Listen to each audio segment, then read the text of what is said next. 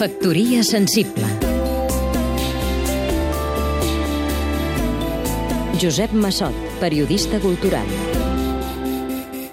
En totes les situacions que semblen negatives hi ha sempre una lliçó positiva. La crisi ha creat una demanda de regeneració moral de la qual la cultura no pot quedar al marge. L'altre dia parlava de la farsa dels premis literaris, una petitessa al costat de les operacions mercantils que es munten al món de l'art. El joc és molt senzill, i no és casualitat que l'última gran operació internacional l'hagués dissenyat el magnat publicista Charles Saatchi en Damien Hirst.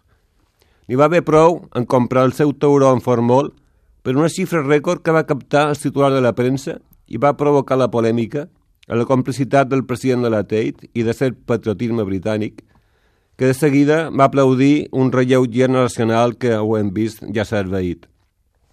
Al nostre país, que no compta amb una tradició de col·leccionistes desinteressats, l'operació és més simple. Es tracta que els inversors d'un artista protegeixin la seva inversió com si es tractés d'accions que cotitzen a la borsa. Una manera de cridar l'atenció és convertir-la en el més car del país. Al principi, l'operació era tan descarada que qui simulava la compra rècord era el mateix galerista. Una altra manera, pressionar els museus perquè li dediquin una gran exposició. Aconsegueixen així revaloritzar les seves inversions i treure, quan el mercat es recuperi, substancioses plusvàlues.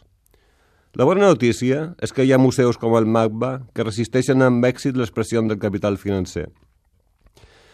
Eh, I si l'oient en demana noms, li diré, pensa, són tan pocs que el traurà sense feina.